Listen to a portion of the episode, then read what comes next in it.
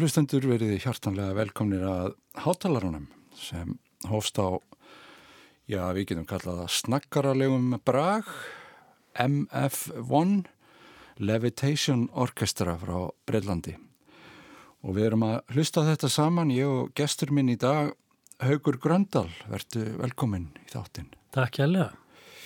Levitation Orchestra, Haugur, þekkir þetta band? Nei, ég hef nú ekki hirtið þessu áður. Nei. Þetta er mjög, hljóma mjög spennandi. Já, ég, ég svona uh, var að leita fyrir mér, svona að sjá hvað það er að gerast í, í stórsveitar heimum og, og rakst þá á þetta sem að er uh, svona daldið haldið með í bresku tónlistarpressunni. Fólk heldur með sínu fólki. Já, ég er ekki þess að því að það sé haldið með þessu. Þetta er mjög, Já, þetta er mjög, mjög svona sprækt. Já og eh, það sem er ennþá áhugaverðar að við þetta er, þetta er svona kollektív sko, það er ekki einlegur leittói, það er ekki einlega tónskált, þetta verður til í hópfinu Einmitt. sem er aðtilsvert Já, það er alveg eitthvað sem ég tengi mjög stert við. Já, þú hefur nú verið í þessu stoltið í hérna, frelsissveitinni og, og fleiri, fleiri, fleiri svona verkefnum. Sem að maður hefur reynd að láta sko einstaklingana sem að koma að verkefnunum í það og það skiptið. Já. vera það sem það snýst um heldur ekki sín kannski einhvers eins. Nei, einmitt, það er svona doldið svona stórsetta sagan er, er doldið þannig. Hún er svona höfundarverk Já. eins manns mikið. Og, og svo svona sidekick Já. Ellington og Strayhorn og... Já, en auðvitað verða það sko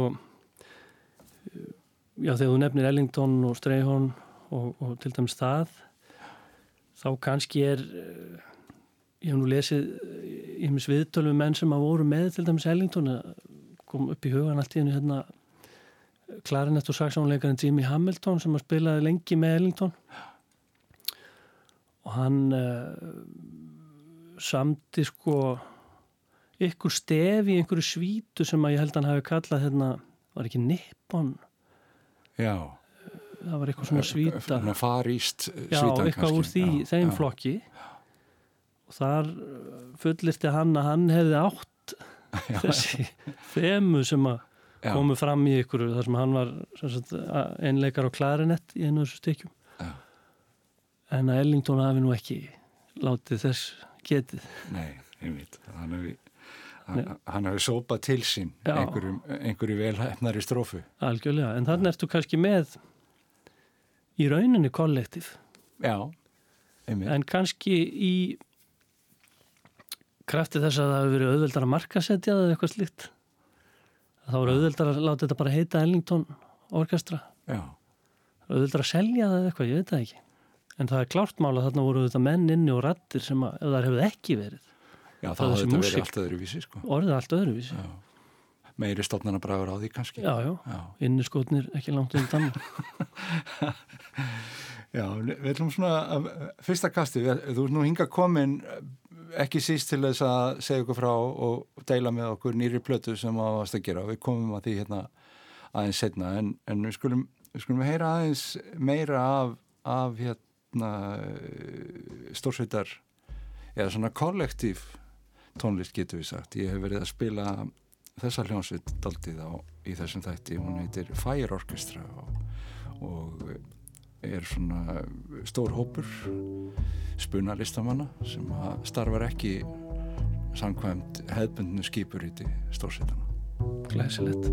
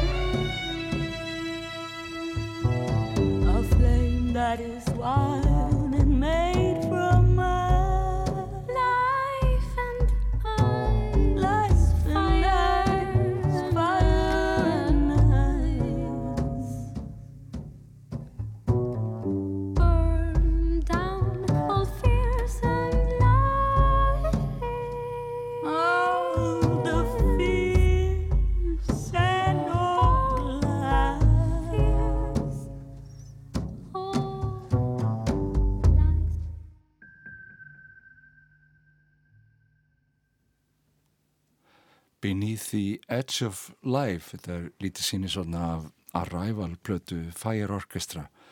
Það er fórið þarna fremstan Mariam Valentin og Sofia Jernberg. Það er aðtöklusvert haugur að, að rattirnar eru doldið mikið notaður í þessum kollektífum og þetta er svona doldið öðruvísi en maður á að vennjast það eru svona nánast eins og uh, seksjón eða eins og uh, sko tveir saxafónar Emmitt, það er verða svona hluti af, af vefnaðunum já. ekki bara sem, sem kannski leiðandi eða sólistar Nei.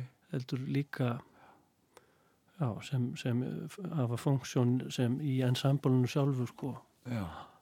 á annan hátt það er verið að, það er verið að leita einhverju, einhverju nýjum nýtingar möguleikum Já, og þarna heyrðu við líka flottan strengja leik. Já, já, já Það er mjög mikil stemning í þessu. Já, það er, það, það er annað sem að er kannski dæmi um svona landamæri leysi tónlistarinnar að, að ég hef nú verið að rekja líka sko hlutverk strengja í svona spunninni tónlist að það er ekki svo mikið hefbundið Einmitt en uh, það er algengara eftir tilkomur kvartita eins og Kronos og, og fleiri, Brooklyn Rider er, er annar sem, sem að er að gera spennandi hluti. Þannig Ég man eftir einni plötu með hérna sla, slafinsmannunum og tónskáldunum Edvard Vesala, þeim finska Aha. það er eitt alveg magnað trakk á allir platan heit ekki Satu eða eitthvað svolítið það notar hann að mitt strengja tríó Júhanni Aldónin á, á allt flödu já, já. og meistarinn sjálfur á, á, á slagverk. Já, það er mjög það er að mörga það er að mörga taka og þetta er svona, við höfum nú talað um þetta í gegnum tíðina svona í jazzsöglu og samingi svona sem hinn þriðja ströym þegar það verið að blanda saman gegnum saminni tónlist og og jazzfraseringum en, en þetta er eiginlega að það er að mást út doldið þessar já. línur sem betur fyrr Kanski, já, líka bara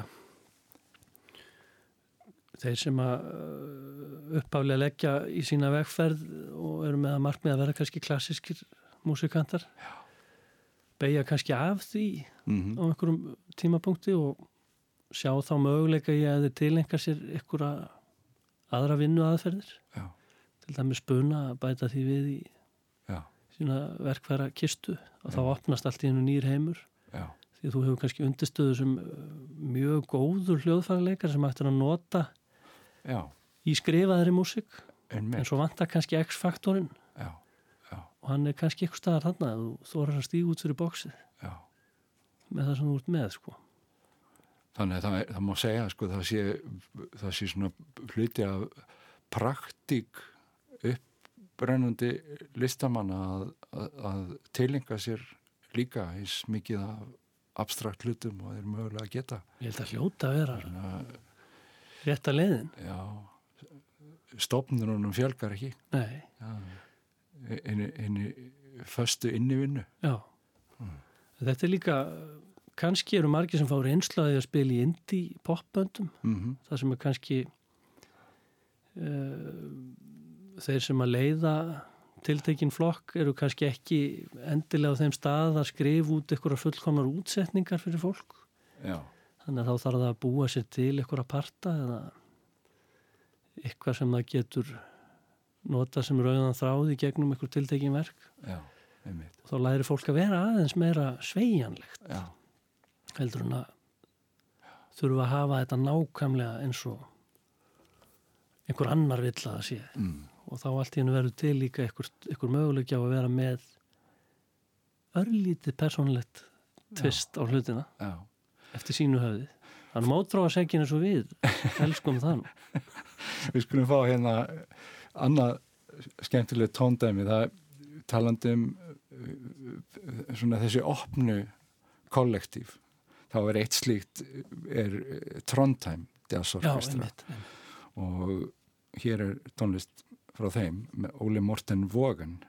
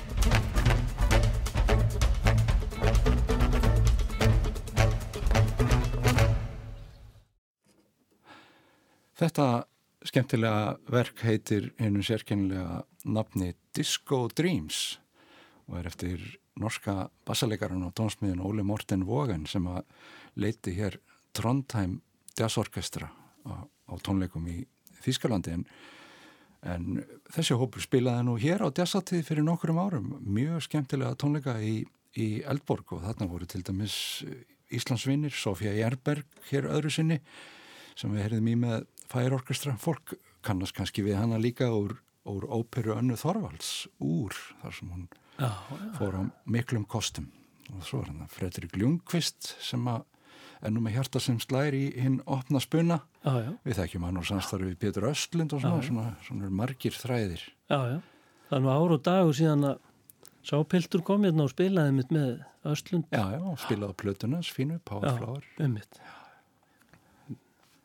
En þetta er, þetta er þetta, þetta, þessi skemmtilega hugmynd um, um svona kollektív í jazzmusík, stórar hljómsveitir og við vorum mynd að tala um það með að þetta hljómaði Haugur Gröndal að, í þránteimi þá eru þeir með þetta magnaða fyrirbæri Já. þar sem þeir setja pakkan í, í hendurnar á listamönnum um lengri eða skemmri tíma Einmitt. og þeir svona setja sitt marka á þetta starf. Já. Ég man, þetta voru mjög áhrifamiklir tónleikar sem voru hann jazzháttíðinni með með þessu Já, það voru gríðar Tróndæmorkestir, það var já, mjög var, gaman. Þeir svona fóruð daldi framjá fólki því þeir, þeir kom í kjölfarið á daldi blóðlislum tónleikum Trios Fred Hörs en þetta var það var vel að verki stæði, hljómaði vel í Elborg það var þræl skemmtilegt. Já. og það er fleira sem við erum með hérna úr, úr stórsveitar heimum, við vorum að tala með um hérna áðan að hvernig þetta væri ólíkt að þegar að verkin hverjast um, um hugverk einsmanns sem að síðan útvikar þessar hugmyndir í, í sambandi við aðra og meðlum í hljónstrinnar og, og það er hérna kona sem að var að gefa út nýja plötu japanska japanski pínuleikarin og spurna lista konan Satoko Fui. Og við skulum heyra hér dæmi um hennar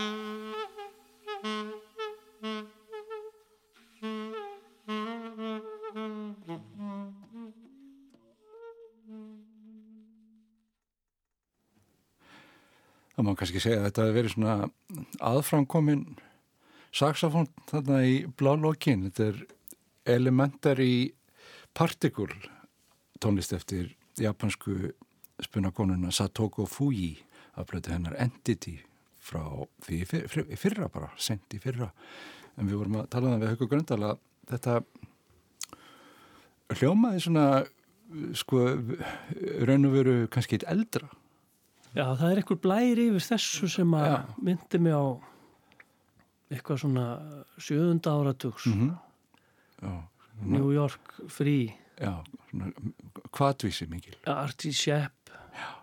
Svona það er eitthvað mjög sterk sögn í þessu. Mm. mikil, það er dass af eða sletta af tilvistar ángist og ykkur tölverð átök hið innra Já, sem að hann náði að krista svona þannig að maður, maður táraðist næstu því. Já, hann náði að krista þetta út úr sér á hann tenor saxofóna ég veit. við erum að koma að staði hver þetta Já, ég, ég, Hver ég, ég var bara að fá þessa plötu, ég er nú bara að, að hérna, deila þessi með þér svona alveg blind, sko. ég, er er að, ég er að taka hennar minnispunkta. Já, kannski eitthvað að spila meira af, þessu í þættinum í, í framtíðinni, en, en talandi um, um slettu af tilvistar ángist, þá erum við nú komin hingað til þess að tala daldið um þína tónlist og, og í tilefni af nýjutkominni plötu já, með eh, góðum vinniðinum og, og samstarfsmanni til margra ára. já, já Þetta er harmonikuleikari. Segð okkur aðeins frá, frá nærrótna músika. Þetta verkefni byrjaði 2006 það er sem sagt já, ykkur 14 ár tæp síðan. Og það var þannig að ég var að taka upp tónlist í, í Búlgaríu með sýstu minni, Ragnhiði Mm. og það er skemmst frá að segja að, að svo upptöku sessjón, ef maður sletta hún fór eiginlega út um þúfur. Já, og síðasta daginn þá vorum við svona eiginlega bara fann að fýblast eitthvað og, og leggja á ráðun að fara til kaupmannahafnar og taka þar upp eitthvað var búið að munstra eitthvað annað fólk hér heima til að taka eitthvað strengi upp og fleira í staðin fyrir þetta sem hafi farið þarna fyrir hóðangar og neðan en af, af hverju fór það? það var bara sá sem að hafði verið tengiliður okkar Mm. hann mislas þetta svona svakalega þannig að Já. það voru bara í rauninni ekki ekki alveg nógu sprækir söngvarar nýja hljóðfæraleikara sem að Já, komu að þessu. Já. og, og þetta var átti líka að vera svolítið ævintýri. Það var verið að leita að einhverja þarna. Já, og kannski fann ég persónulega þarna eitthvað sem að ég átti ekki von á. Já, því að ég tek upp klarinett þarna í bara svona ganni mínu og byrja að spila eitthvað Ivo Papasov lag sem að eitthvað svona númer. já. Þá sé ég að einn af túlkonum í hopnum tekur svona smá viðbrað tegir sér eftir ónýtir harmoníku sem að var í hotninu á þarna í upptöku klefanum. Og hann setur hann á sig og svo byrjar hann að spila og hann heyrir að hann er hálftón fyrir neðan. Já, en þá var minn maður nú ekki lengi að fara, fara upp um heldón með þetta og spilaði þessa laglinu alveg eins og ekkert væri. Já. og þá rann það upp fyrir mér að þessi maður sem hafi verið að tólka þarna hann var besti músikantinn á sveður það var sagt Borislav Skúrovski Já. sem að síðan um, kemur hingað. Og ég fer síðan á heimsækjan uh, það haust, þetta var um sumar sumari 2006 og er hjá honum í ykkur að sex vikur og er á ferðarlegin Búlgari og, Makedóni og Tyrkland en er, er með svona bækistöð hjá honum í Plovdiv. Mm. og með okkur tekst uh, góð viðnátt og ég einsetti mér þá að bjóða honum hinga til Íslands strax árið eftir. Og síðan hefur hann komið hingað á örgla tíu sinnum eða eitthvað svo liðs og unnið leikið inn á fjölda platna. Já, en uh, 2008 þá ákveðu við að taka upp eh, semst, fyrri plötunar átna músikaverkefnisins sem að hverfist sem sagt í kringum mig og hann. Mm. uh, okkar, okkar vinnáttu það samstarf og samstarf. Um, og við spilum meðal annars á jazzatið held ég bara á NASA útgáfu tónleika um, stór skemmtilegt. Og síðan allt í hennu eru liðin tíu ár síðan þetta var cirka og þessi miklu meistari var 50 í fyrra. Nú, og ég bara einhvern veginn var að reyna að móti vera mig til þess að gera þetta. Það er margir sem hafa staðið plötu útgáð sem skilja hvað ég á við þegar ég segi það. Það mótið er þess að gera já, sko já. svona gefa út geislatisk með músík. Við skulum leifa fólki aðeins að velta fyrir sig hvað það þýðir. Og með við heyrum fyrsta leið sem að ætti að koma bara akkurat hér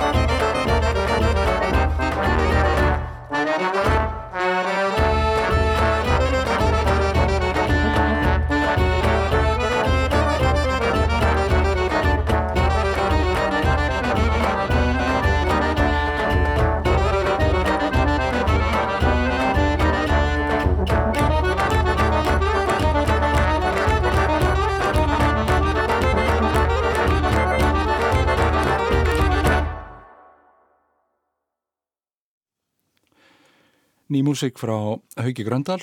Þetta er þó ekki alveg nýtt lag eða hvað, Haugur? Nei, þetta er svona hvað kallar maður þetta, traditional. Ég held að þetta sé söðu sérfnest svona Róma Já. lag sem er til með textum á, á einhverjum söðu slavnesku málum og kannski tyrknesku, grísku. Þannig að þetta er mjög þekkt lag. Þekktur gleði gandur já, já. já, húsgangur eins og þetta er og það er ekki bara sko, Boris Skurovski og, og þínir vopnabræður úr, úr skuggamyndum í Bísans heldur ertu líka með svolítið meira svona læra brassi heldur en maður er kannski vanur að heyra? Já, það sem að sko ég eh, heyrði þetta fyrir mér eins og til dæmis þetta lag sem við vorum að hlusta á. Þetta er í rauninni sama lagið í tveimur útgáfum, tekja miðsmjönandi hljómsveita um, sett saman á þennan máta þar sem að þetta er alltaf stúdíoplata þá gaf það þá var þetta að opna þann möguleika að vinna þetta svona. Mm. ég var einhverju sinni á ferðarlegi í Búlgari í aukstar og er henn á veitingastað þar sem er svona bandaspila sem er með rafbassa slagverki og klarinetti og einhverju svona. Bara svona eins og þetta fyrsta uh -huh. sem við höfum svo skjögra ég hann út á stjett sent um kvöld og þá er ég í fraska fjarska eh, svona, í svona brassbandi. Sem að ég, ég gekk nú ekkert á hljóðið með það en það er bara þessi tilfinning mm. sem að mér langaði til að fanga. Ja. og ég fekk hérna túbuleikana Nimrod Ron til að leika. Symfóníu túbuna. Já, og hann næra að búa til hennar skemmtilega hyggsta á þetta hljóðfæri sem er alveg magna. Og svo er, er uh, Ívan Todorov sem að blesa hann í hotn bak við með. Já. og svona nokkuð er, er ansi snúið að gera ef maður myndi vilja fá sko svona rómabrass. Þá væri það svona lengri aðdraðandi sem þyrta því. Já. En eru það að gera þetta sikkur megin við hafið? Já, já brassi var tekið Ívan spilaði inn í, í, út í Plófdið í Búlgaríu. En Nimrod og ég og Erik spiluðum hérna heima sko. og já, svo er þetta unnið Bo, Það er Borislav sem er að setja þetta saman ekki, hvernig... já, já, ég útsetti þetta já. og hann uh, stjórnaði upptökunum á, á brassinu sko. Þannig út úr þessu verður svona pínu annað svona smá það er smá svona þetta tókast í tvær miðsmælandi áttir samtímis Já, en þú ert, sko, þú ert ekki bara í, í svona hefbundinni tónlist þessara svæða, heldur þú líka búið til eigin lög inn í þetta? Já, já ég finnst að vera svona Sko það sem er, er kannski svolítið erfitt við þetta form sko er að maður getur svona maður eins og ég með um, svona svolítið interessu á handverki og að spila á hljóðfæri. Mm. Þá getur maður kannski mist sér í öllum þessum smáadriðum um hvernig ná að spila þessa músik. Og það sem að það fylgir því uh, góður hlutur finnst mér að það er ákveðið ególeysi því að þá er maður bara þjótt þessara tónlistar og þessa, þessa tungutags í tónlist Já. ef maður ætti orða það svo getur maður skilið egóið sitt bínilegt eftir og bara unnið sína færni upp á, á þetta plan sem maður þarf til þess að geta flutt þessa músík Já. en kannski á einhverjum tímapunkti þá langar mann, mann að, að, að nýta sér þetta í eigin komposisjón og verð ekki bara, já það er knýrtýra og þá sett ég saman tvær flugur þarna sem eru á disknum. Já, við erum með hérna til dæmis Originalno og Horo já. sem gefur nú til kynna þetta sé, já, þýðir það að það sé sagt, frumsamið. Já, það er bara originalega frumsam, frumsamda frumsandi dansin Já, lustum á þetta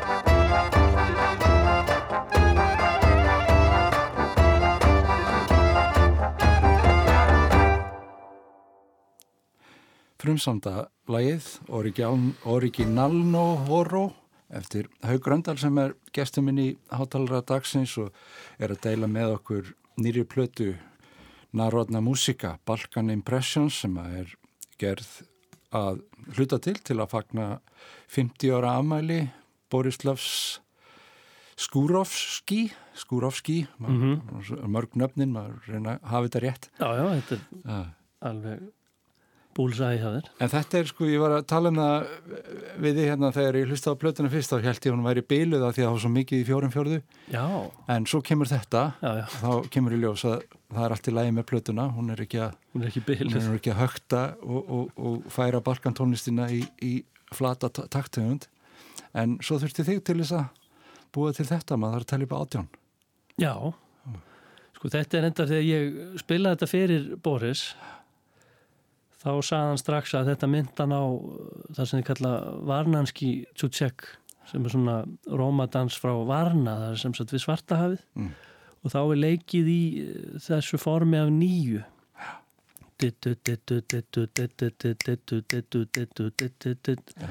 En ég ákvaði að snúa aðeins upp á það og, og, og þannig að kemur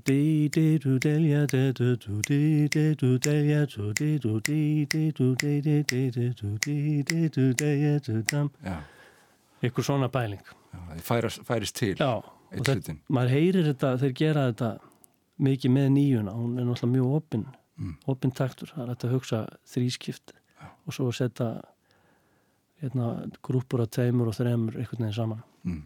mjög skemmtilegt En e, þetta er svona, þú, þú ser þetta svona sem daldi annan vettvang en, en skuggamyndi frá Bísans. Já sko þetta er eh, uppaflega, þetta er, mér þykir vandum þetta verkefni þetta, af þeim sögum að þetta snýst aldrei mikið um þessa vináttu mm. og um hvernig um, hinn tónlistalega ævintýraferð einstaklinga getur tekið alls konar beigjur sem að maður kannski var ekki búin að sjá alveg fyrir Nei. og það minnir mann á það að með forvitnin af opni og, og, og, og þessa hugmyndum að þóra að stíga út úr bóksinu að út úr því getur orðið ykkur sköpun sem að maður næri ekki utanum akkurat núna mm. Mm. og þegar ég var að byrja á þessu þá snýrist þetta nú aðalega um, um sko að Mér langaði svolítið til þess að auðvitað byrja þetta hjá manni sjálfum á því litinu til að ég vildi bara diffka það litróf sem að ég var að fást við tónlistarlega. En það sem að gerist síðan er að það kannski verður það er ykkur hugsun emmið þessi kollektífa hugsun þessi það sem að ég hafi kynst í jazzinu það sem að þetta snýrist volið mikið um einleikar að maður kynntist og spilaði með mönnum sem að urðu bara, það svona sloknað á þeim ef þeir mm. voru ekki sjálfur með sól og við þekkjum þetta og ég var einhvern veginn árið svo þreyttur á þessu Já. það voru að veltaði fyrir mér eru við að gleyma að búa til einhverja tengingar fyrst til að byrja með milli okkar sem erum að flytja tónlistana Já. og síðan fara með það lengra út fyrir sko sviðsbrónina mm. til áhörendana þetta bara stundum vanda Já. svona var eitthvað erðarleysi Já. í þessum jazzformum sem ég hafi fengist við mm. sem að var ekki alveg fullnægandi fyrir mig En finnst þér að, finnst þér að þetta þá vera að setla inn í annað sem þú gerir? Gerir þú til dæmis meiri kröfur inn í, inn í aðra músik sem að byggja þessum félagslega þætti sem, sem þú ert að lýsa hérna? Já, já, alveg klárlega Já og ég hef líka verið heppin að vera innan um músikanta eða tónlistamenn og konur sem eru akkurat á þeirri línu líka mm. og vilja hafa fólk á staðnum þetta sé ekki ykkur enn einn sessjónin sem að þú ert að fara fást við Já. með þitt handverk af opni Já. þetta er náttúrulega snýstum að byggja, byggja mennskuna upp og, og, og hvað segir, segir maður að, að hafa hann í háfjá í gegnum músíkina. Það er náttúrulega vandamáli við þetta er líka sko, það, þarf, það er svona ákveðin hverstarsleiki sem þarf að fylgja þessu, það þarf að vera hægt að fást við þetta vera hægt að fást við þetta í hverstagsleikanum sem að þá er hættan sem fylgir svo að þetta verði of venjuleg. Emmitt, það er kannski þetta eru kannski mikla gröfur að gera á fólk, ég veit það ekki. Mm. Sem að starfa sem hljóðfæra leikarar og eru að fást við alls konar verkefni og svo framvegs og framvegs og auðvitað er það mis uh, vel statt frá degi til dags mm. bara svo við öll mm. kannski ég veit ekki, en þetta, þetta er kannski ekki alveg þetta sko þetta, ég held að þetta sé alltaf mikil afstæða líka já, já. af hverju ertu í þessu já. af hverju langar þetta til þess að spila fyrir fólk og hvað er það að segja með því og skiptir þetta þig einhverju máli yfir höfuð að vera að þessu? Ertu að telja hausa, ertu að telja miðana sem þú selur og, og, og síðan að búa til pláss á bankareikninginu fyrir allar, allar innlagninnar En, en finnur þú sko greinanlega mun á því þú ert að spila balkanmusík og þetta efni svona á áheyrendum? Er hann mikill? Já, ég held að ég hafi nú sko ég byrjaði nú að, að gera smá tilhörunum með svona stærri bönd með brassi til dæmis út í Kaupmannhöfn það er nú 15-16 ár síðan. Ja. við gerðum eina plödu með kletsmer hljómsveitinni Spilkas sem var með svona brassi. Og það, súljómsið til dæmis spilaði mikið í allt annars slags samengi heldur en ég hafi verið vanur fram að því í gegnum jazz tónlist. Hún, það virtist hafa félagslega funksjón á annan hátt. Mm. og það heitlaði mitt aldrei kannski er ég og endurgjöfun var önnur frá áhörnundunum mm. það var meira energi. Þetta er spennandi pæling og, og spurningin endalösa sem við höldum áfram að spurja Já. til hvers er þetta allt saman? Takk fyrir komin að ykkur til að hafa mikið með þessa skemmtilegu plötu og við ætlum að ljúka þessu í dag á öðru lagi eftir þig. Tuk Tuk Kiuchek Tjúchek Tuk Tuk Tjúchek Kúchek Ég reyni ekki einu sinni. En takk fyrir komina hlustundum þakka í hlustununa verið sæl